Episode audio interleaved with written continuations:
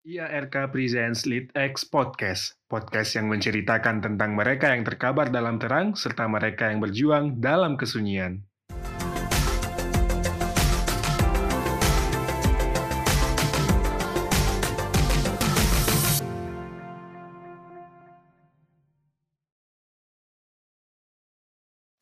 Assalamualaikum warahmatullahi wabarakatuh. Selamat datang kembali di Lead X Podcast IA Rumah Kepemimpinan bersama saya Abing Bob sebagai host dari podcast ini. Kita akan membahas cerita-cerita dari para alumni Rumah Kepemimpinan yang tentunya akan menginspirasi para pendengar. Apa pun akan kita bahas dalam podcast ini karena alumni Rumah Kepemimpinan sudah ribuan dan punya banyak cerita. Di episode kedua kali ini kita akan mendengarkan cerita dari seorang alumni yang sangat menginspirasi. Beliau ini merupakan seorang sosok yang pernah aktif sebagai aktivis pada saat perkuliahan dan pernah tinggal di luar negeri juga nih beliau. Dan sekarang beliau sedang menekuni dunia bisnis. Kebetulan nih beliau ini merupakan seseorang yang asal daerahnya sama nih dengan saya. Nah, siapakah itu? Siapakah orangnya? Langsung saja saya perkenalkan. Namanya adalah Muhammad Hanif atau biasanya kita panggil dengan Bang Hanif.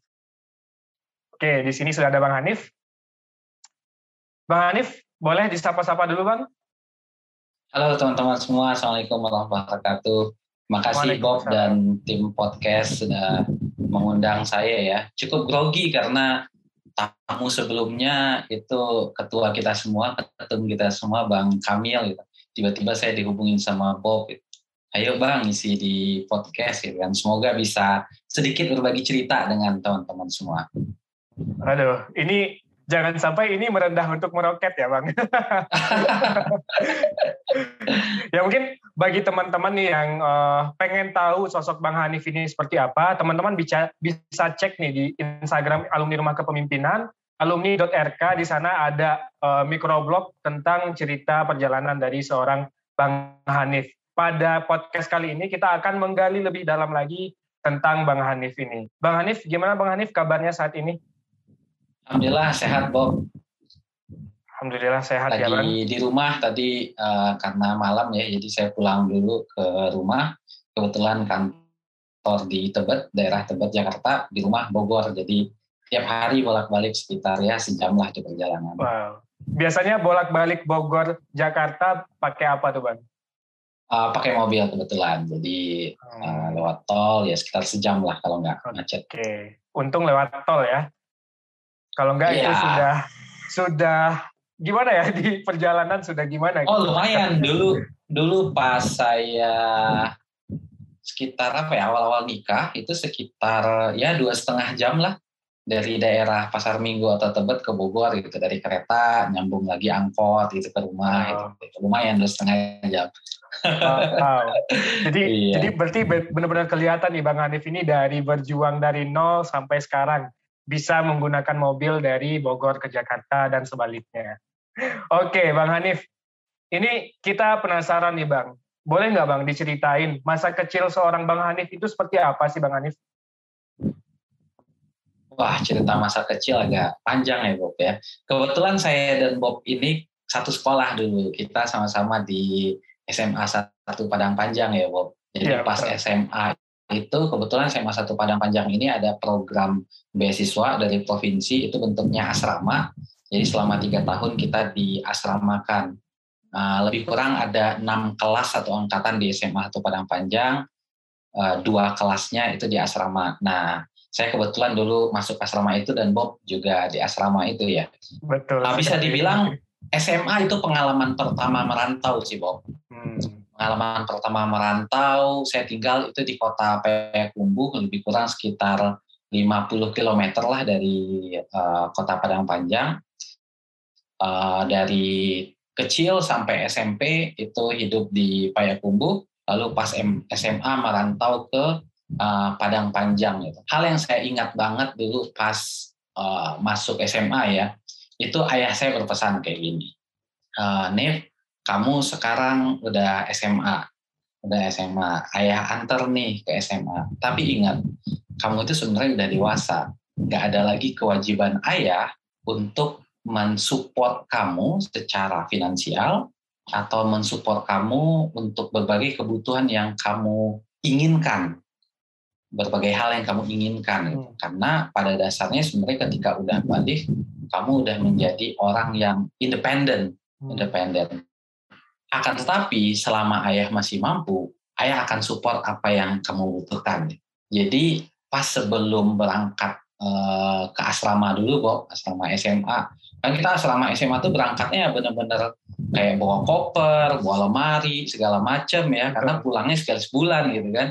Jadi pesan ayah kayak gitu di waktu saya mau masuk SMA itu cukup memflashback pesan-pesan beliau sebelum uh, apa saya masuk asrama waktu itu gitu uh, yaitu tentang kemandirian tentang kemandirian itu dan dulu saya itu pas SD kebetulan ayah guru sebenarnya ayah guru dan juga Umi uh, ibu saya itu juga guru di SD itu kita udah diajarkan untuk punya kewajiban. Hmm. Kebetulan di belakang rumah kita ada peternakan ayam sama peternakan bebek. Uh, setiap pagi itu kita ditugaskan untuk uh, kayak saya ditugaskan untuk ngasih pakan bebek. Kalau adik ditugaskan untuk ngumpulin telurnya. Agak siang tuh pulang sekolah ngumpulin telur gitu. Dan semua semua saudara tuh punya kewajiban masing-masing gitu. Uh, begitupun pas SMP, saya ingat banget pas SMP itu uang jajan kita tuh jauh di bawah jajan teman-teman yang lain gitu. Uh, tapi ayah tuh nyediakan kolam ikan. Hmm. Ayah nyediakan kolam ikan setiap hari Minggu karena sekolah dulu kan Senin sampai Sabtu ya. Setiap hari Minggu itu kita nangkep ikan dan kita jual keliling ke tetangga sampai ya agak jauh lah sekilo dua kilometer dari rumah kita jalan jualin ikan biar uang jajan minggu depannya itu bertambah hmm. dari uh, jualan ikan yang kita dapatkan jadi kalau masa kecil saya bisa bilang uh, ayah saya benar-benar menekankan orang tua benar-benar menekankan terkait dengan uh, kemandirian ya uh, sampai di hati saya juga tertanam banget ketika pesan itu disampaikan sama ayah uh, sewaktu mau masuk SMA saya bertekad insya Allah nih nanti waktu kuliah saya nggak akan membebankan orang tua lagi. Tapi ternyata tuh nggak kesampaian gitu. Pas kuliah saya masih membebankan orang tua, masih minta duit ke orang tua gitu kan. Iya. Alhamdulillah itu akhirnya saya saya ganti tekad saya kan. Wah tahun pertama nih, apa tahun kedua nih, tahun ketiga gitu. Apalagi pas tahun ketiga uh, jadi ketua BEM di FISIP kan kayak Bob lah di BEM itu pengeluaran makin banyak kan Bob. Wah makin nggak bisa mandiri ini gitu kan akhirnya uh, akhirnya saya bisa wujudkan mandiri itu tanpa minta support terutama finansial dari orang tua itu pas setelah lulus hmm. pas setelah habis sidang uh, saya akhirnya uh, tekad ke orang tua mulai hari ini saya nggak akan minta lagi uang ke orang tua dan insya Allah kalau ada rezeki saya akan malah akan kirim ke orang tua gitu. Hmm. jadi uh, benar-benar sebenarnya masa kecil itu seru sih karena orang tua selalu ngasih tantangan terutama terkait dengan kemandirian. Oke ini cerita masa kecil aja tuh bisa menyentuh saya gitu. Bagaimana dengan cerita-cerita selanjutnya? Tapi bang ini menarik banget ya bang. Tadi orang tua bang Hanif sudah menanamkan kemandirian sejak kecil Selain itu, apa aja sih yang diajarkan dan dididik oleh orang tua Bang Hanif selain nilai kemandirian tadi, Bang? Mungkin ini kali ya, uh, sebagai orang Minang itu kita dulu kan sering dengar cerita ya, Bob ya. Orang Minang, orang Minang itu laki-laki khususnya ketika balik itu tinggalnya di surau. Iya, nggak hmm. tinggal di rumah tapi tinggal di surau bermasyarakat. SMP itu uh, tidak tinggal di rumah sekali seminggu dan berkomunikasi dan bermasyarakat lah bersosialisasi dengan orang lain. Kalau di SD dulu itu saya nggak pernah sendiri sih, tapi di SD itu ayah juga beberapa kali ngajak keluar kota luar kota lalu kita nginep gitu ya nginep di luar kota. Maksudnya kegiatan ini kegiatan masyarakat gitu. Kayak ada apa komunitas pesantren hal-hal yang kayak gitu, nah yang saya rasakan dan mungkin ini juga Bob rasakan atau teman-teman merantau rasakan merantau itu ngajarkan kita untuk uh, menghadapi resiko ya. Karena kadang-kadang ketika kita dirantau uh, kita berhadapan dengan orang yang nggak kita kenal kita berhadapan dengan orang yang kita nggak tahu maksud dan tujuannya. Gitu. Kita dihadapkan dengan resiko seperti misalnya kehabisan uang atau resiko misalnya dapat ancaman dari orang orang sekitar gitu. Ancaman artinya bukan apa ya, bukan berantem ya, tapi kadang-kadang kayak kita masuk satu kawasan gitu ya, wah orangnya berbeda, kadang kita udah udah cemas duluan kan. Tapi dengan didikan merantau dari kecil, alhamdulillah saya ngerasa cenderung lebih mudah untuk beradaptasi dengan uh, komunitas mana pun gitu. Oke, Wah, berarti memang banyak banget ya nilai-nilai yang ditanamkan oleh orang tua Bang Hanif pada saat Bang Hanif waktu kecil dulu. Nah saya mau nanya nih Bang, Bang Hanif kan punya banyak pengalaman. Bisa diceritakan nggak Bang, pengalaman yang paling berharga banget nih dalam kehidupan Bang Hanif sehingga bisa membuat Bang Hanif menjadi orang seperti sekarang ini? Satu pelajaran terbesar saya Bob itu ketika dulu kuliah uh, eh, S2 ke Manchester. Uh, Kenapa jadi pelajaran terbesar? Karena saya dipenuhi keraguan baik sebelum kuliah ataupun semasa kuliahnya gitu. Hmm. Sebelum kuliah saya kan di Indef, jadi saya iya. setelah lulus dari uh, eh, kebetulan konsentrasi saya dulu di ekonomi politik, saya masuk ke Indef, uh, saya menangani kajian-kajian tentang international trade uh, dan ya bermimpi untuk terus menjadi researcher dan saya senang banget kebijakan publik ya saya senang banget di Indef dan selama sekitar dua tahun di Indef saya banyak belajar tentang dunia riset dan juga terkait dengan perdagangan dan industri hmm. gitu. Tapi di lain sisi ketika saya nikah 2015 barengan dengan saya masuk ke Indef uh, kita juga bangun usaha saya dan hmm. istri bangun usaha. Nah ketika membangun usaha itu uh, saya juga ngerasa loh kok jiwa saya juga hidup ya di dunia bisnis gitu. Jadi dulu saya di Indef itu berangkat, kalau Indef agak siang berangkat dari jam 10 lah, jam 9, jam 10 saya berangkat. Jadi jam 7 sampai jam 9 itu saya di kantor dulu, di toko lah dulu, kalau di Margonda Depok. Uh, lalu jam 10 saya ke kantor, nyampe, nyampe kantor jam 10, pulang-pulang jam maghrib, dari maghrib sampai malam saya ngurusin bisnis lagi. Hmm. Dan saya merasa hidup banget nih jiwa di bisnis. Gitu. Nah 2017 saya memutuskan untuk tetap fokus di Indef sebenarnya, walaupun konsul beberapa kali ke beberapa orang, eh gimana nih terkait dengan karir, kita apa mending tetap di dunia riset atau ke apa ke dunia bisnis. Tapi saya memutuskan tetap di dunia riset Akhirnya saya melanjutkan sekolah ke Manchester gitu. Nah, ketika melanjutkan sekolah ke Manchester, saya sudah daftar tuh uh, in apa uh, global studies sih tentang development studies ya terkait dengan bidang yang saya dalami di Indef juga. Tapi beberapa waktu sebelum berangkat, keraguan itu menghantui saya lagi. Keraguan itu menghantui saya lagi. Ah, apa memang udah tepat belum ya pilihan ini gitu? Karena apakah sampai hari tua nih saya akan di dunia riset, apakah saya tahan nih dengan dinamika di dunia riset gitu. di lain sisi saya sangat enjoy banget. Saya, saya sampai ngurusin bisnis sampai tengah malam, Bob. Hmm. Sampai tengah malam lah gitu. Dulu itu sejarahnya sebelum masuk indeks sih beberapa bulan sebelum masuk indeks saya sempat punya bisnis ini outlet-outlet es krim dan jus buah ada tiga empat outlet empat outlet jus buah sebelum itu sebelum masuk indeks gitu jadi sekitar enam bulan enam bulan setelah lulus sebelum masuk ini saya sempat bisnis. Dan saya ngerasain itu seru banget, walaupun resikonya besar sih. Nah uh, sebelum akhirnya berangkat ke Manchester, saya akhirnya memutuskan ganti jurusan, ganti jurusan kuliah. Saya urus ke LPDP, saya urus ke kampus, ganti jurusan kuliah. Saya ambil uh, Innovation Management dan Entrepreneurship gitu hmm. di Manchester. Akhirnya saya memutuskan di detik-detik terakhir itu untuk berpindah haluan ya udah deh ambil bisnis aja deh gitu kuliahnya gitu. LPDP-nya setuju kampusnya setuju. Udah deh saya berangkat waktu itu dengan jurusan uh, Innovation Management and Entrepreneurship. Di enam bulan pertama enam bulan pertama saya sangat menikmati banget kuliah itu. Sampai pada akhirnya salah satu senior dan mentor saya di Indef datang ke Manchester. Datang ke rumah saya di Manchester itu untuk bilang jadi pas datang ke Manchester, saya jemput tuh ke bandara kan. Namanya Pak Didi Grahbini. Pas saya jemput ke bandara, di mobil beliau bilang kayak gini, Nif, kamu itu spesial. Wah, kita kan kalau dibilang spesial tuh beda ya Bob ya. Yes. Kamu, kamu itu spesial. Oh kenapa Pak ya kan?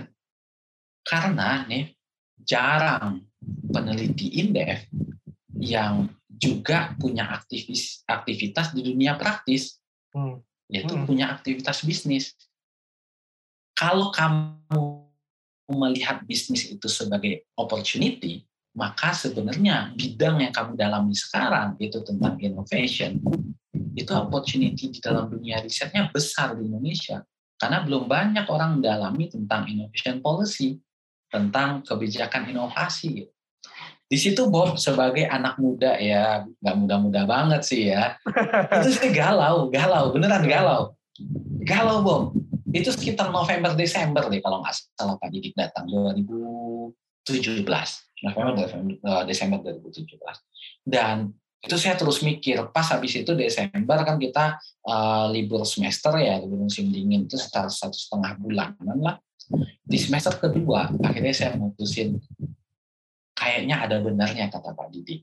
Hmm. Saya di sini harus mendalami terkait dengan kebijakan inovasi karena belajar terkait dengan kebijakan itu sulit untuk saya dapatkan ketika saya di Indonesia. Sementara belajar uh, terkait dengan bisnis itu bisa saya dapatkan ya di prakteknya langsung hmm. di Indonesia gitu akhirnya semester 2 saya putar haluan lagi uh, kebetulan memang di jurusan itu ada fokus di innovation policy akhirnya saya ambil semester 2 innovation policy sampailah 2018 saya pulang ke Indonesia saya ikut conference segala macam wah sebagai akademisi banget lah gitu di uh, pas semester 2 itu uh, alhamdulillah uh, disertasinya juga distinction tinggi banget nilainya karena emang wah highly motivated banget lah untuk balik lagi ke Indef. Pas balik ke Indef, saya masuk ke Indef lagi 2018, uh, 2018, 2019, di 2020 akhirnya saya ditunjuk sebagai uh, kepala Center of Innovation and Digital Economy di Indef. Nah, kenapa ini penting menurut saya, Bob?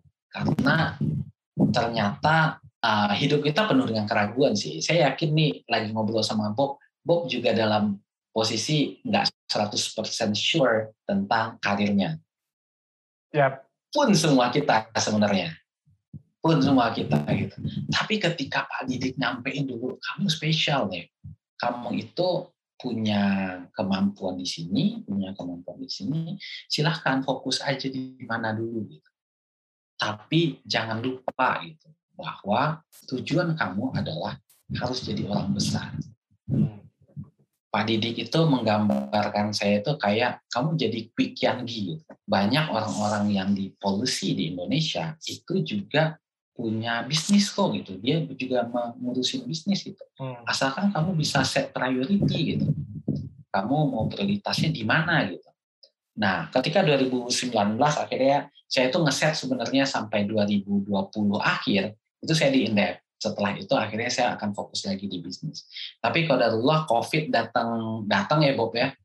COVID datang waktu itu uh, karyawan di Pugi itu jumlah sekitar 15-an. Yep. Saya bingung kan karena biasanya bisnis dihandle oleh ada tim dan juga istri saya ngehandle bisnis. Bingung karena uh, sales kita drop drop lumayan parah gitu ya sekitar ya sisa 10% lah drop 90% dan kebetulan pas WFH jadi saya di rumah banyak di rumah uh, akhirnya saya WhatsApp Pak Didik Pak kayaknya ini udah saatnya saya untuk cuti dari Indef saya harus hmm. ngurusin bisnis dulu itu di hmm. Maret 2020 dan ternyata saya cukup surprise itu karena mentor itu emang penting sih. Mentor itu penting banget. Saya cukup surprise karena Pak Didik langsung support langsung support. Ya nih kamu fokus ngurusin bisnis kamu sekarang udah waktunya kamu ngurusin bisnis kamu. Hmm. dan saya baru dua minggu lalu ketemu lagi sama Pak Didik. Setelah satu setengah tahun nggak ketemu selama pandemi. Dan beliau uh, bilang lagi ke saya Nev kamu spesial. Tapi jangan lupa ya kamu sekarang nih fokus di bisnis sekali tiga bulan kamu tetap harus ngisi seminar di Indef gitu, biar nggak lupa dunia akademiknya gitu. Yeah. Jadi di situ akhirnya saya banyak mengobati ini sih Bob, keraguan-raguan saya dalam memilih karir. Kadang ketika kita milih karir itu ya nggak usah ragu, ya go on aja. Kadang-kadang nanti di suatu saat persimpangan itu akan ketemu lagi. Gitu.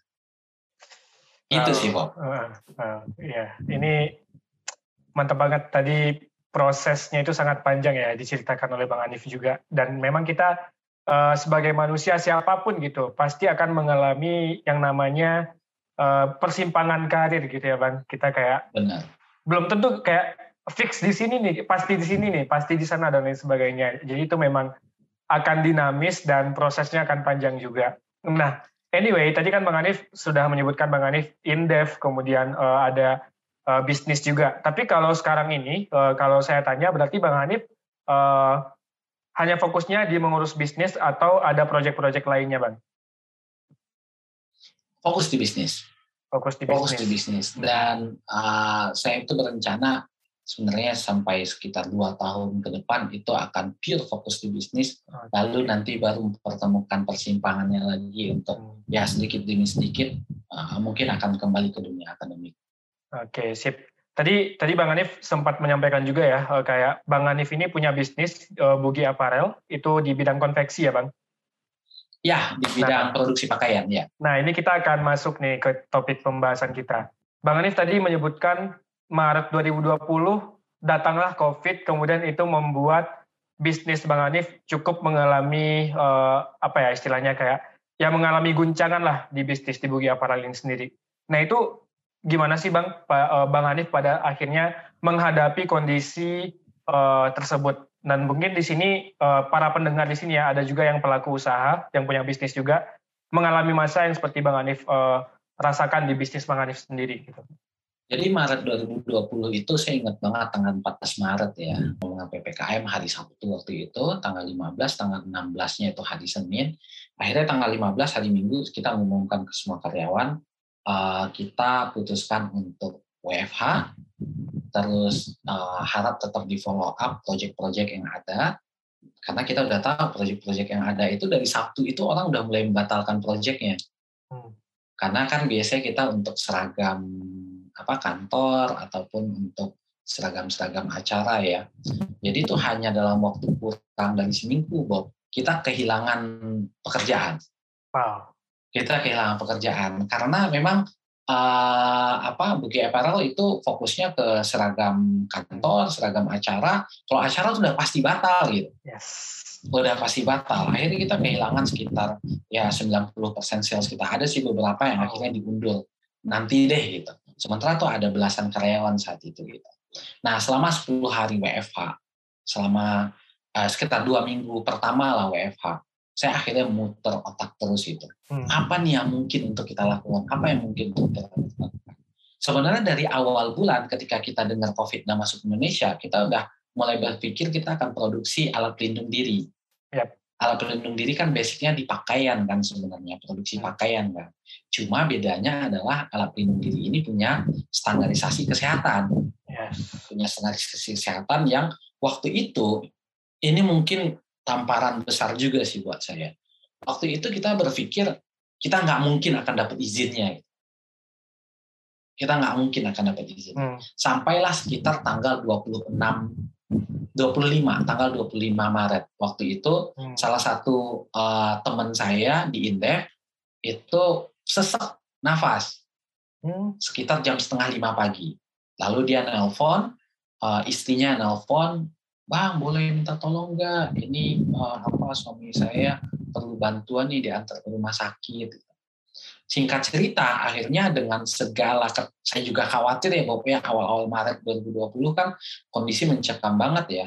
Akhirnya saya keluar rumah uh, nyetir sendiri pergi ke daerah Kalibata City tempat uh, apartemennya teman ini. Saya jemput saya pagi itu nganterin ke berapa ya ke RSUD, RSUD Fatmawati, RSUP Fatmawati, ke RS uh, eh, Sulianti Saroso, RS uh, eh, Infeksius ya Sulianti Saroso, Wisma Atlet, uh, dan ke RSUI. Hmm. Jadi saya nganterin ke empat RS teman ini untuk ngecek kondisi COVID-nya di tanggal 25 Maret 2020. Nah, uh, kebetulan kebetulan nggak uh, ada rumah sakit yang bisa melakukan tes saat itu. Kenapa akhirnya kita pindah-pindah RS gitu. Nggak ada rumah sakit yang mau tes kecuali dia memang kondisinya berat banget. Gitu. Nah, cuma pelajaran lain yang saya dapatkan dari keliling 4 RS itu adalah ternyata 4 RS itu pelindung dirinya mereka untuk menghadapi pandemi ini minim sekali. Oh, Okay. Di situ akhirnya saya konsultasi dengan salah seorang dokter dan dokter ini kebetulan pebisnis juga. Saya tanya, mungkin nggak ya kita bikin produk ini alat pelindung ini tanpa izin, hmm. tanpa izin gitu. Terus dia bilang, ah kamu jangan mikirin izin sekarang, kamu jangan mikirin izin sekarang, bikin produk yang standar, pakai nama saya, udah kirim ke RS sekarang. Oh. Karena kalau kamu mampu untuk bikin, orang lagi nyari sekarang siapa yang mampu untuk bikin produk ini. Gitu. Sekarang izin itu kan terkait dengan standarisasi katanya. Yes. Ya udah pakai nama saya, saya ngecek produk kamu, terus udah kirim ke RS kan. Karena emang sebutuh itu sekarang teman-teman kita dokter itu uh, udah pada tumbang karena pakaian pelindungnya nggak memadai. Hmm. Kan ingat waktu itu jas hujan, ingat nggak? Iya. Pakai hmm. jas hujan itu akhirnya di waktu itu Bob uh, saya langsung ke Bandung tanggal 26 Maret saya langsung ke Bandung ke tempat produksi kita akhirnya kita produksi uh, pakaian pelindung di awal dengan semangat emang untuk membantu para tenaga kesehatan. Kita produksi dan uh, luar biasa antusiasnya. Saya waktu itu, waktu itu ingat ingat banget harga APD 1 800 ribu sampai bahkan ada yang 2 juta. Kita jual di harga 100 ribu sampai 200 ribu. Wow jadi memang kita karena waktu itu barangnya langka banget orang memanfaatkan kondisi kan kayak masker lah masker sampai 400 ribu waktu itu nah, sekarang 20 ribu 25 ribu masker itu dan akhirnya di situ kita viral pertamanya itu di lingkungan di lingkungan Iluni FKUI. Nggak ah. tahu tuh siapa yang nge-share ke lingkungan Iluni FKUI. Sampai ada dokter dari Papua bilang, deh ini benar infonya, tolong saya udah udah sangat berumur katanya. Dan saya butuh alat pelindung diri ini bisa dikirimkan enggak dari Riau, dari Bangka Belitung, dari berbagai daerah itu minta. Dan akhirnya dalam waktu sebulan itu kita produksi uh, berapa ya? Nggak terlalu banyak sih kita produksi kapasitas kita juga sekitar 50 ribuan lah. Sekitar 50 ribuan piece uh, APD 50 ribuan set APD dan kita kirim ke berbagai daerah. Cuma memang uh, pandemi itu kondisi yang semua orang belum pernah ngalamin ya yes dan semua bisnis belum pernah ngalamin dan cukup shocking juga karena ternyata di akhir April ada sekitar berapa puluh ribu stok kita itu udah nggak bisa kejual kok. Kenapa, Bang? Jadi awalnya kita produksi banyak nih, kita mau bantu RS. Wah, kita semangat banget produksi terus produknya gitu kan, hmm. produksi terus. Eh ternyata di akhir uh, apa di akhir April itu produknya banjir, hmm. overstock. Karena oh. pabrik-pabrik besar ternyata juga produksi di awal April. Oh my god. Wah, itu saya stres, kok. Kantor yang dulunya kantor itu udah jadi gudang karena uh, karyawan WFH semua kan. Jadi itu kayak kursi-kursi segala macam itu digeser jadi gudang penuh sama barang.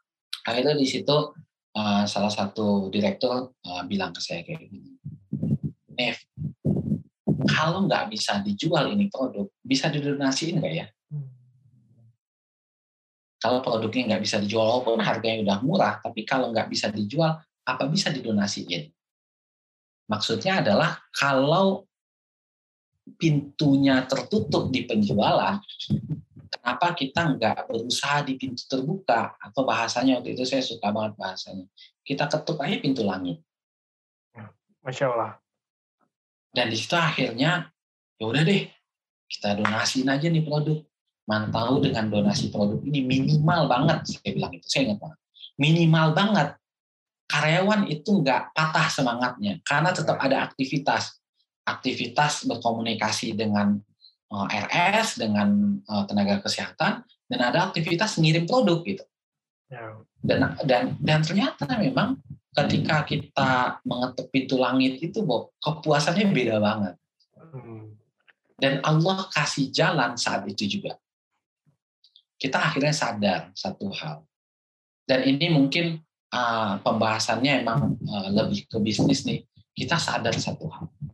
Ternyata selama bulan April, itu kita tidak melayani RS.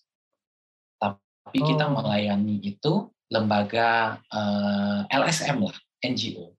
Jadi kita ngirimnya itu ke ACT, kita ngirim itu ke kitabisa.com, kita ngirimnya itu ke Iluni FKUI, kita ngirimnya itu ke lembaga-lembaga sosial yang kenapa akhirnya di awal di akhir April atau awal Mei kita kehilangan pasar, produk kita Ah. langsung dead stop karena lembaga sosial kan emang one hit aja. Ketika udah bantu tenaga kesehatan, setelah itu kalau nggak salah di Mei itu uh, lembaga sosial mulai bantunya itu uh, apa makanan sembako. Nah, tapi ketika kita donasi, otomatis kita terpaksa donasi emang harus langsung kan ke RS. Di situ kita baru sadar satu hal, wah ini sebenarnya jalan baru nih untuk bisnis, yaitu membangun koneksi dengan rumah sakit.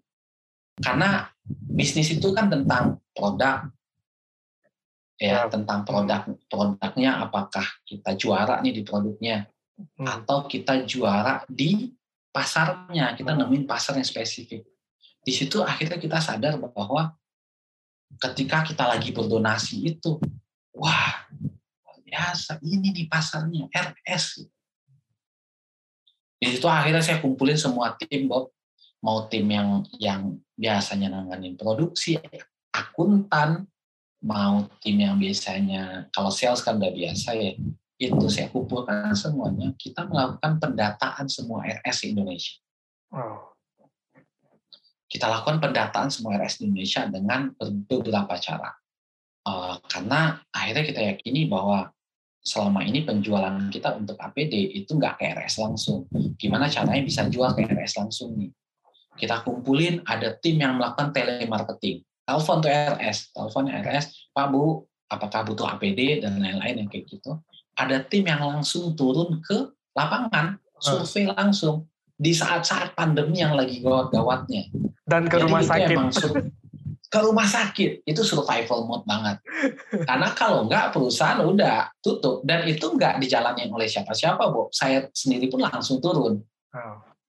jadi kita ke Jawa Tengah, kita ke Lampung, ke eh, Sumatera Selatan, ke Bangka, ke Riau, ke Sumatera Barat, Sumatera Utara, Aceh, turun langsung. Datang satu-satu ke RS, ke Dinas Kesehatan, perkenalkan diri, minta kontak. Minta kontak siapa yang bertanggung jawab untuk eh, urusan logistiknya rumah sakit lah, atau urusan farmasinya rumah sakit. Di situ masya Allahnya ketika kita sadar bahwa kita lagi menemukan niche marketnya kita terus kembangkan database kita itu. Sekarang alhamdulillah dari 3.000 RS di Indonesia Indonesia itu cuma punya 3.000an RS Iya. kita sudah punya dan berkontak dengan 1.700 RS Wow, lebih dari setengah. lebih dari setengahnya itu dari ujung Aceh ke ujung Papua itu sekitar 1.700-nya kita sudah berkontak dengan RS-nya dan eh, sekitar lebih dari 30 persennya itu sudah melakukan pembelian Oh. dan dan di situ kita melihat bahwa memang ini hal berikutnya ya terkait dengan bisnis di masa pandemi di masa pandemi ternyata terjadi percepatan digitalisasi bisnis Hmm. baik yang retail, kalau retail udah biasa banget sebenarnya digitalisasinya ya. Tapi termasuk di B2B, di business to business. Jadi di salah satu eh, penjualan kita untuk produk alat pelindung diri itu dulu ada di Dinkes di Jawa Tengah. Hmm. Beliau kontak waktu itu kami sore, saya ingat banget ke tim sales kontaknya gini, Mbak bisa dikirimin sampel nggak ya? Eh, saya mau ambil keputusan besok pagi. Nah, lalu saya lihat kan, eh, tim sales konsul ke saya, saya lihat komunikasinya, saya bilang, malam ini juga kita ke kabupaten tersebut di Jawa Tengah. Ke kabupaten tersebut. Jam 12 malam kita jalan di sana. Dari itu posisi dari Jakarta. Jam 12 malam kita sampai eh, ke sana dan kita nyampe kabupaten itu di dinas kesehatan kabupaten itu itu sekitar jam 8 setengah 9 pagi. 8 setengah 9 pagi sebelum nyampe di di eh, apa sebelum sampai di eh, dinas kesehatan itu kita sengaja berhenti untuk sambil MCK lah gitu ya sholat duha Ya. Wow. semoga menjadi jalan lah. Dan ternyata itu deal yang luar biasa besar, mendekati satu m lah untuk satu satu dinas kesehatan itu. Oh. Nah, cuma yang jadi tamparan terkait dengan digitalisasi yang begitu cepat ini, Bob. Pas saya datang ke RS itu, si bapaknya sama si ibu di dinas kesehatan ini bilang, Mas, kamu beruntung, Mas. Kenapa, Bu?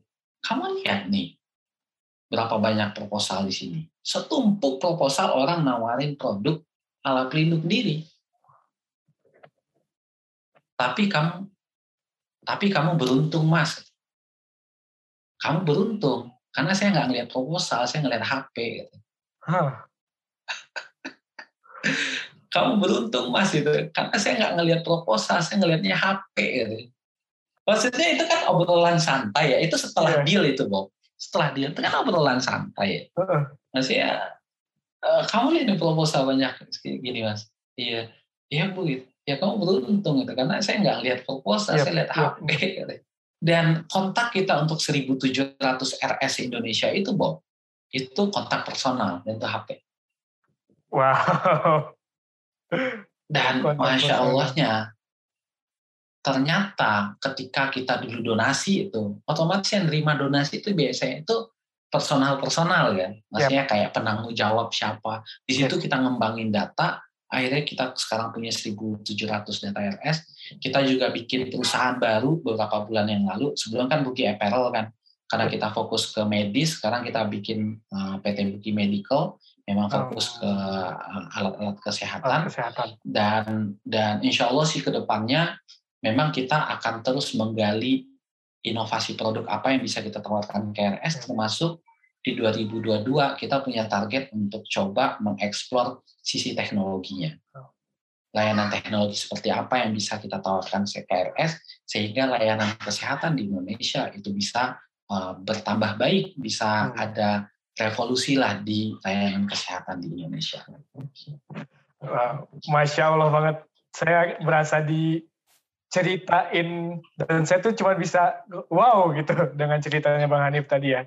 Ini menarik sih tadi Bang Hanif uh, saya mendengarkan cerita Bang Hanif. Kemudian tadi disampaikan ya bahwa uh, di bulan Maret sempat mengalami penurunan. Kemudian oh mulai ketemu nih untuk bikin APD kemudian udah oh, salesnya udah tinggi. Eh kemudian tiba-tiba ternyata di bulan April sempat mengalami over produksi juga gitu. Kemudian pada akhirnya merasa jatuh lagi, kemudian ke depan bangkit lagi. Nah, ini yang saya mau tanyakan adalah uh, apa sih bang uh, faktor yang pada akhirnya bisa membuat usaha kita itu bisa bangkit lagi di masa pandemi ini gitu. Tadi kan jatuh bangunnya banyak banget nih dengan ketidakpastian di masa pandemi ini, tapi Bang Hanif sendiri dengan bisnisnya, uh, perusahaannya bisa untuk bangkit lagi gitu. Kalau menurut saya pertama di masa pandemi ataupun masa-masa sulit ke depannya ya, karena bisnis itu selalu menghadapi ada masa-masa sulitnya lah. Kalau di dalam teori itu ada J curve, J huruf J. Hmm. Di awal itu bisnis akan mengalami masa sulit gitu ya, dia berinvestasi sampai dia bisa naik ke atas. Hmm. Tapi di setiap posisinya itu ada ada tantangan-tantangan sendirinya gitu. Nah, kalau saya waktu itu uh, dengan ngobrol sama salah satu tim, salah satu direksi di bulan April, beliau mendengarkan kayak gini, ketika ada pintu tertutup, maka jangan selalu fokus dengan pintu tertutupnya. Carilah jendela terbukanya. Atau kalau dalam quotes-quotes lainnya ya, dibilangnya itu adalah ketika uh, apa ketika pintu itu nggak bisa diketok gitu ya, maka bikinlah jendela baru gitu. Hmm. Makanya bikin yang baru gitu. Jangan terlalu fokus dengan problemsnya. Kayak kita dulu ketika dead stop, maka kita coba tetap nyari pintu terbukanya. Oh gimana nih aktivitas tetap jalan nih sehingga kita nggak mandek gitu. Karena air yang mandek itu biasanya air yang berhenti itu ujung-ujungnya jadi jadi air yang kotor, jadi lumut keruh. gitu loh, Bob. Iya, air yang keruh. Uh, air yang keruh gitu. Sehingga kita uh, hal yang pertama yang saya rasakan benar-benar merubah mindset saya banget ketika pandemi kemarin adalah ketika ada kendala jangan berhenti. Tetap lakukan sesuatu. Tetap lakukan progres sesuatu. Cari jalan. Kalau nggak ada jalan jalan yang langsung ke depan ya cari jalan melingkarnya seperti apa gitu. Karena dengan kita berusaha Allah akan kasih jalannya. Tapi kalau kita kita diam-diam aja gitu ya, kita dihantui oleh overthinking kita gitu loh. dihantui oleh pikiran-pikiran kita yang belum tentu seperti itu aslinya di lapangan gitu. Yes. Nah, yang kedua menurut saya dan ini kita lihat langsung ya. Bob follow Arif Muhammad nggak? Follow Bang. Beberapa hari yang lalu atau kemarin ya, Arif Muhammad jual angin dari LA, udara Betul. dari LA. ya. Gila nggak? lihat gila. Gila banget ya. Ah, terus dia ikoi-ikoyan. Terus Ya. dia kayak jual jualan Arif Muhammad apa sih bakso aci gitu. Bakso aci, aci hui. Iya. Kenapa sih jualan dia bakso aci gitu loh, Bob? Tapi saya belajar gini, Bob. Saya belajar bahwa hal yang kedua yang kita eh, sadari di tengah pandemi adalah bisnis itu juga tentang membangun customer base. Tentang data sebenarnya. Hmm. Nah, kalau Arif Muhammad itu dia di retail ya jatuhnya, dia membangun audiens. Misalnya kayak Raffi Ahmad, followersnya berapa puluh juta gitu ya. Dia mau jualan apa pun bisa laku. Kenapa? Karena ada, ketika customer base kita kebangun, ketika audiens kita kebangun, itu tuh ada funnelnya, ada corongnya. Nah, Followersnya 40 juta. Ketika dia posting yang lihat 20 juta. Ketika 20 juta yang yang komen 200 ribu. Hmm.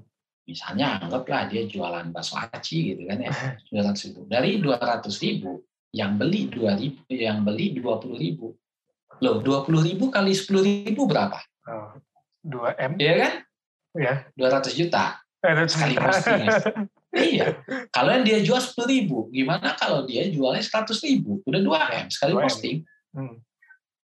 Nah, kadang uh, waktu itu saya juga sempat ikutin Yuka Harlanda, itu CEO-nya Brodo. Brodo tahu sepatu Oh, Brodo. tahu. Brodo. Dia bilang, dia dia dia sempat ditanya sama orang, "Eh, Bang Yuka, kalau seandainya punya kesempatan nih untuk bangun bisnis eh, yang lain, apa yang dilakukan duluan? Gitu. Terus dia udah bilang, saya akan bangun audiens duluan. Saya akan bangun audiens karena ketika kita punya audiens yang banyak, ketika kita punya audiens yang cukup lah, kita akan bisa membangun produk yang yang legit lah. Hmm. Karena dengan audiens yang banyak, nggak harus jualan di awal, tapi feedback terhadap produk kita juga bisa dari berbagai sisi. Hmm.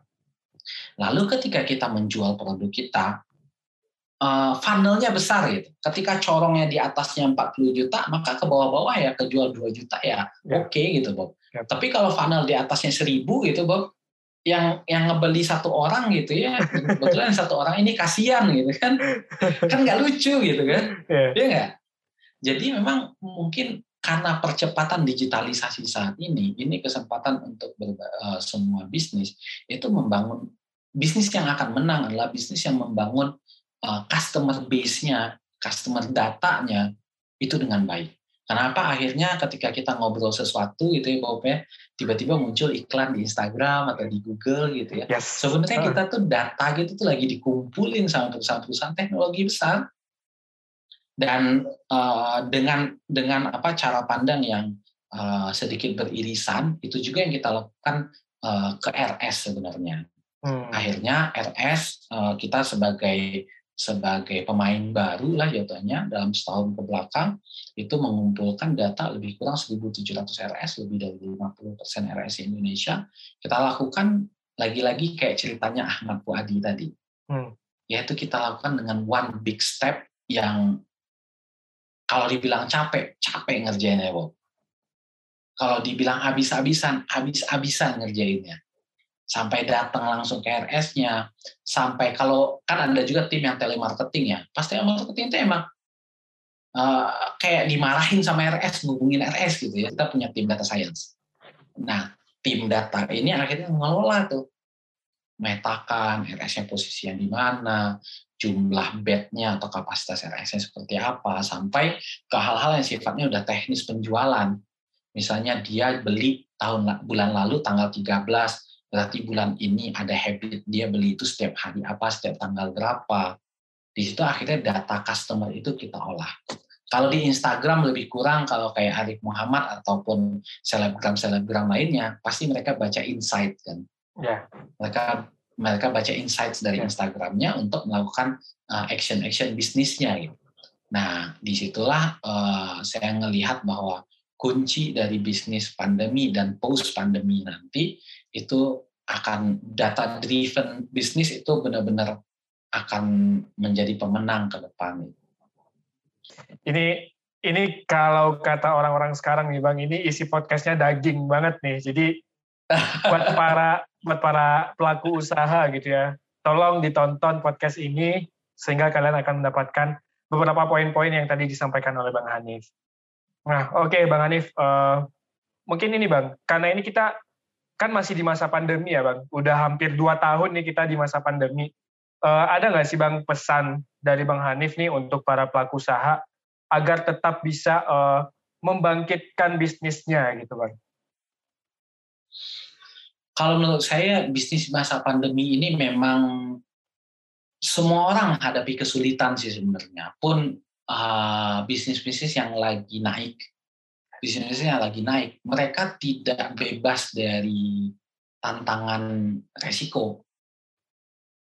Bayangkan ada bisnis, ada yang berani sampai buka klinik segala macam gitu, ya. terus kasus turun gitu kan, kasus turun. Pertanyaan lah mereka pengen kasus terus naik biar kliniknya laku gitu ya, atau sebenarnya pengen kasus turun. Semua orang pengen kasusnya turun gitu. Yes. Jadi bisa jadi mereka udah invest besar ternyata zong rugi gitu. Jadi semua bisnis menghadapi tantangan yang sama sebenarnya yaitu yeah. uncertainty gitu, yaitu ketidakpastian sebenarnya di masa pandemi uh, seperti saat ini. Cuma kalau saya bisa kalau boleh uh, ngasih pendapat terkait dengan apa yang bisa dilakukan di masa pandemi ini, Bob, Nah. Uh, saya agak bingung ya kalau untuk bisnis yang baru dimulai. Nah. Tapi mungkin saya lebih tertuju ke bisnis yang udah berjalan. Hmm.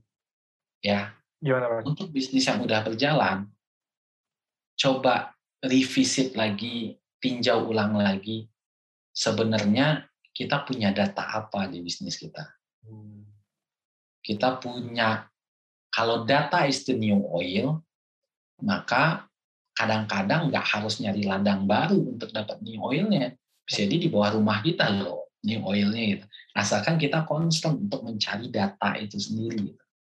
Nah contohnya kita misalnya ya uh, RK misalnya.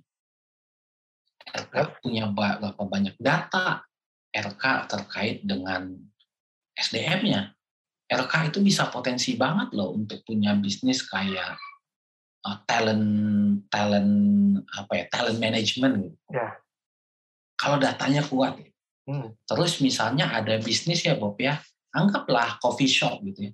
Hmm. Bisnis coffee shop yang sempat turun banget ya karena kafe kan pada ditutup ya. Yes. Dia punya data kontak customer dia nggak selama ini. Ah.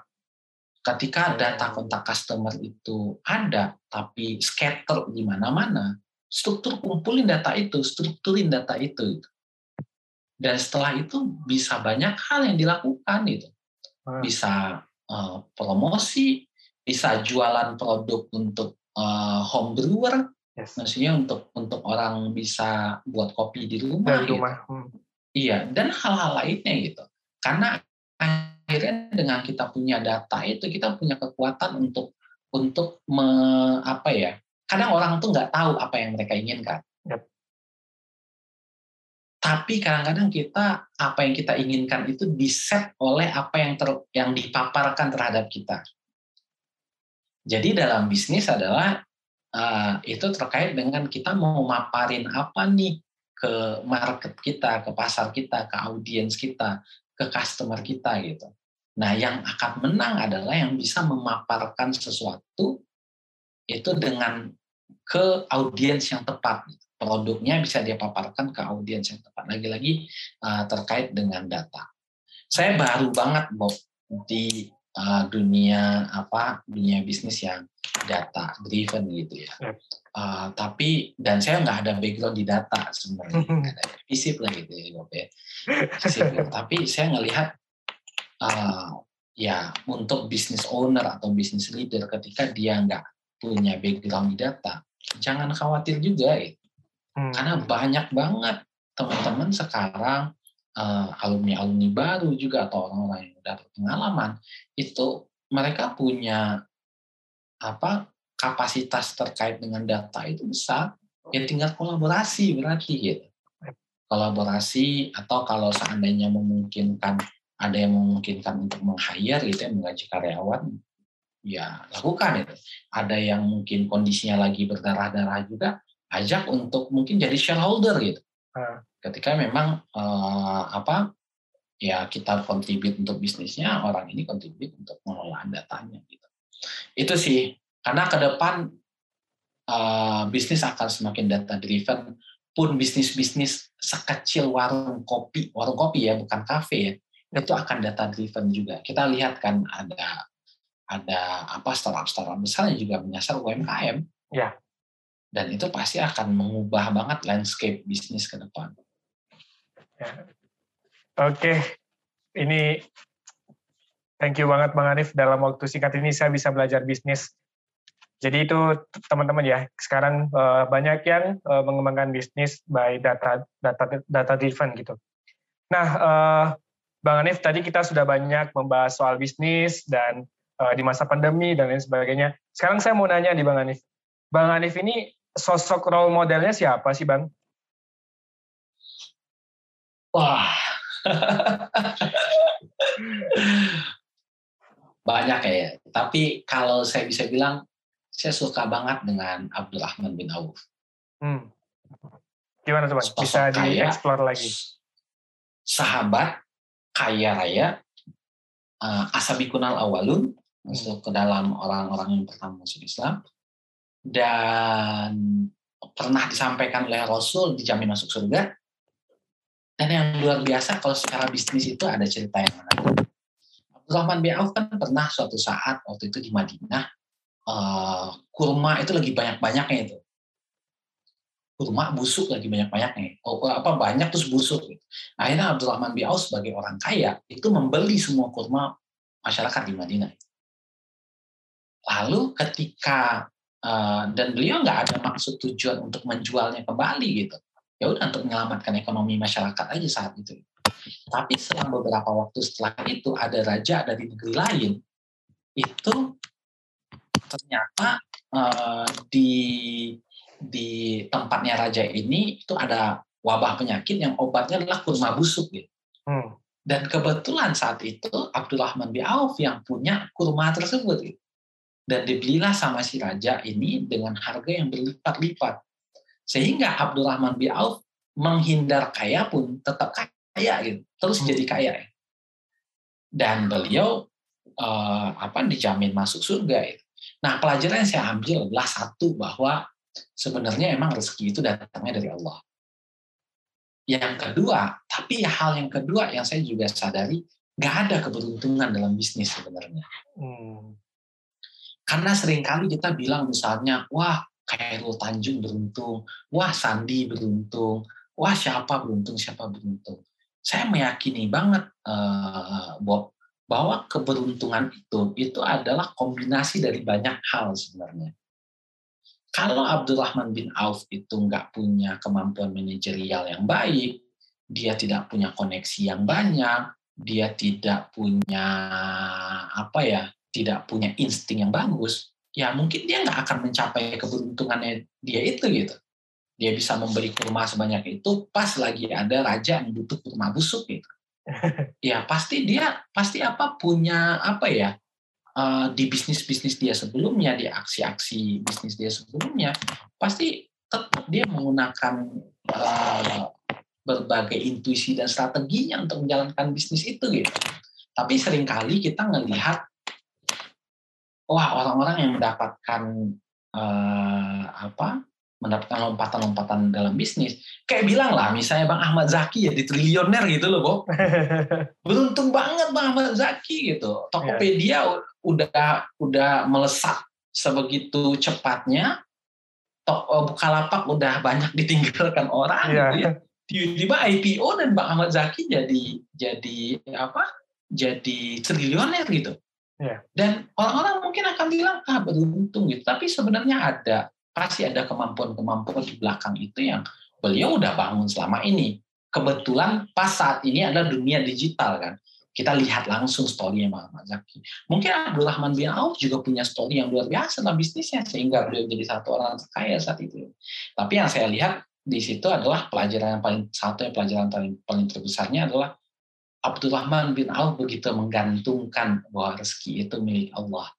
Walaupun pasti beliau punya kemampuan manajerial bisnis yang luar biasa. Dan lalu uh, saya juga salut dengan Usman bin Affan. Ketika dia kaya, maka orientasi kekayaan itu untuk wakaf. Wah ini wakaf Salman nih. Langsung masuk nih ke saya nih.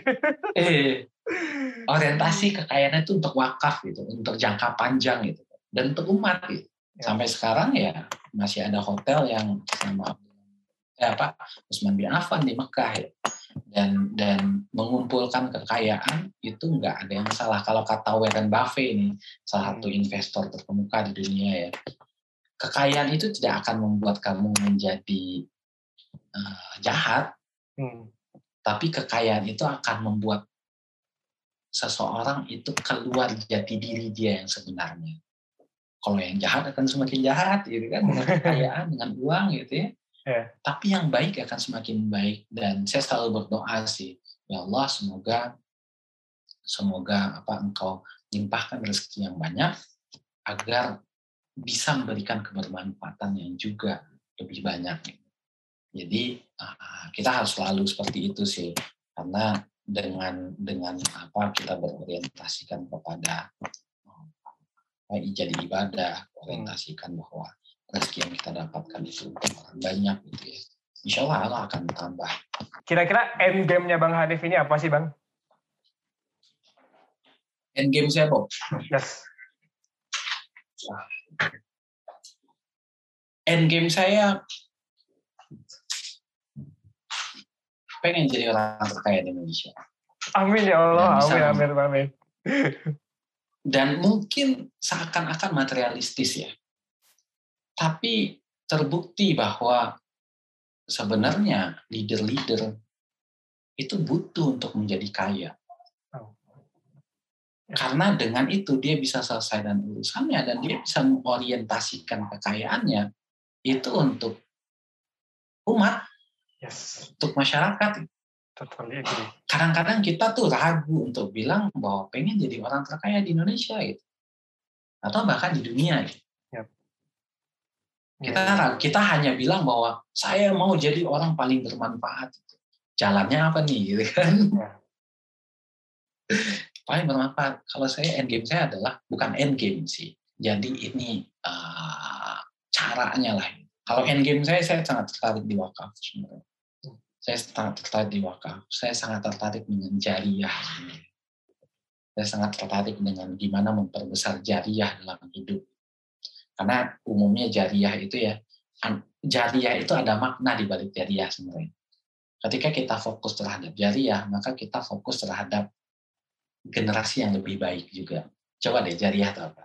Nah, jariah kan ada yang tiga, ada yang delapan atau sembilan, kalau nggak salah hmm. versinya gitu ya. Tapi jariah yang tiga itu kan uh, apa anak yang soleh, berarti generasi yang lebih baik kan. Ya. Yang kedua ilmu yang bermanfaat berarti generasi yang lebih baik juga gitu. Yang ketiga itu apa? Harta kan.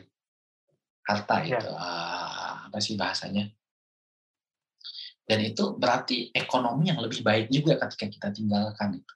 Maka kalau end game saya bisa bilang apa? Saya pengen salah satu end game utama saya itu adalah jadiah jadiah bu. Hmm. bukan satu end game utama saya itu di jariah itu memperbesar jariah karena jariah itu bukan hanya terkait dengan oh kita insya Allah dapat aliran pahala nih ketika kita meninggal gitu tapi juga jariah itu tentang meninggalkan generasi yang jauh lebih baik dan kokoh secara akhlak itu di anak yang soleh tadi ya. kokoh secara ilmu knowledge itu di ilmu yang bermanfaat dan kokoh secara ekonomi, ekonomi. di uh, di ekonomi harta. di harta jadi kalau mungkin orang terkaya doa lah gitu. Terkaya Amin amin. Sama-sama kita mengaminkan. biar semakin banyak muslim di list orang terkaya Bob coba aja hitung 100 orang terkaya muslim yang berapa banyak Aduh. apalagi orang Minang apalagi Iya. orang Minang ya Bob nggak ada orang Minang Bob nggak ada mungkin kayak Tanjung ya Semoga Bang Hanif menjadi orang yang pertama, Bang. amin Bob orang yang berikutnya Amin, amin. Oke, ya, thank you Bang Hanif. Makasih banyak banget nih Bang Hanif yang sudah meluangkan waktunya untuk podcast Lead X Podcast Ikatan Alumni Rumah Kepemimpinan kali ini. Eh, tadi banyak sekali ilmu yang bisa kita dapatkan, bagaimana caranya kita bisa survive di usaha di zaman pandemi ini, dan juga ilmu-ilmu lainnya yang tadi diberikan oleh Bang Hanif. Jadi sekali lagi terima kasih nih Bang Hanif yang sudah eh, meluangkan waktunya di malam hari loh ini kita eh, berbicara tentang bisnis dan hal lainnya. Oke, oke Bang Hanif, eh, karena waktunya sudah berakhir, jadi izinkan saya menutup podcast ini dulu, Bang Hanif. Eh, nah, jadi teman-teman tadi banyak banget ilmu yang bisa kita dapatkan dari Bang Hanif, mulai dari bagaimana Bang Hanif bisa membangun bisnisnya di masa pandemi ini, kemudian bagaimana Bang Hanif menjalankan kehidupannya dari masa kecil yang sudah dididik mandiri oleh orang tuanya, dan kita juga sudah mendengarkan gitu, bagaimana Bang, Bang Hanif ini ingin menjadi orang yang kaya gitu. Karena ketika kita menjadi orang yang kaya, mungkin kita bisa memberikan manfaatnya itu lebih konkret lagi. Dan ini mungkin saya sedikit cerita aja. Saya pun juga melihat ya, kan saya sekarang berada di lembaga zakat, memang saya tuh selalu terkagum-kagum gitu ketika melihat orang-orang yang memang mempunyai harta yang berlebih, mereka memberikan harta itu untuk umat. Jadi itu tuh ada rasa kebahagiaan dan kepuasan tersendiri ketika kita bisa memberikan harta kita untuk kepentingan umat. Itu Masya Allah gitu. Seperti yang saya sampaikan Bang Hanif tadi, itu jariahnya luar biasa banget. Jadi semoga kita yang mendengarkan ini bisa menjadi orang-orang yang kaya, kita bisa menjadi muslim yang kaya, dan kita bisa uh, membantu umat ini agar menjadi umat yang sejahtera dan lebih baik lagi ke depannya. Nah, oke okay guys, gimana podcast kita kali ini? Tentunya pasti seru kan? Jadi jangan lupa untuk ditonton, subscribe, dan di-like di YouTube Rumah Kepemimpinan. Dan podcast ini juga bisa teman-teman dengarkan di Spotify LeadX Podcast Rumah Kepemimpinan. Nah, jika ada masukan, saran, boleh banget nih disampaikan di kolom komentar. Atau mungkin boleh juga ditambahkan nih di kolom chatnya hikmah apa saja atau pelajaran apa saja yang para pendengar dapatkan dari podcast kita kali ini. Insya Allah kita akan menampilkan lebih banyak lagi cerita-cerita dari para alumni rumah kepemimpinan, karena memang yang saya sebutkan tadi, alumni rumah kepemimpinan ini sudah ribuan dan pastinya punya banyak cerita. Nah, mungkin sekian dari saya sebagai host, Abing Bob. Terima kasih atas waktunya yang sudah mendengarkan. Assalamualaikum warahmatullahi wabarakatuh.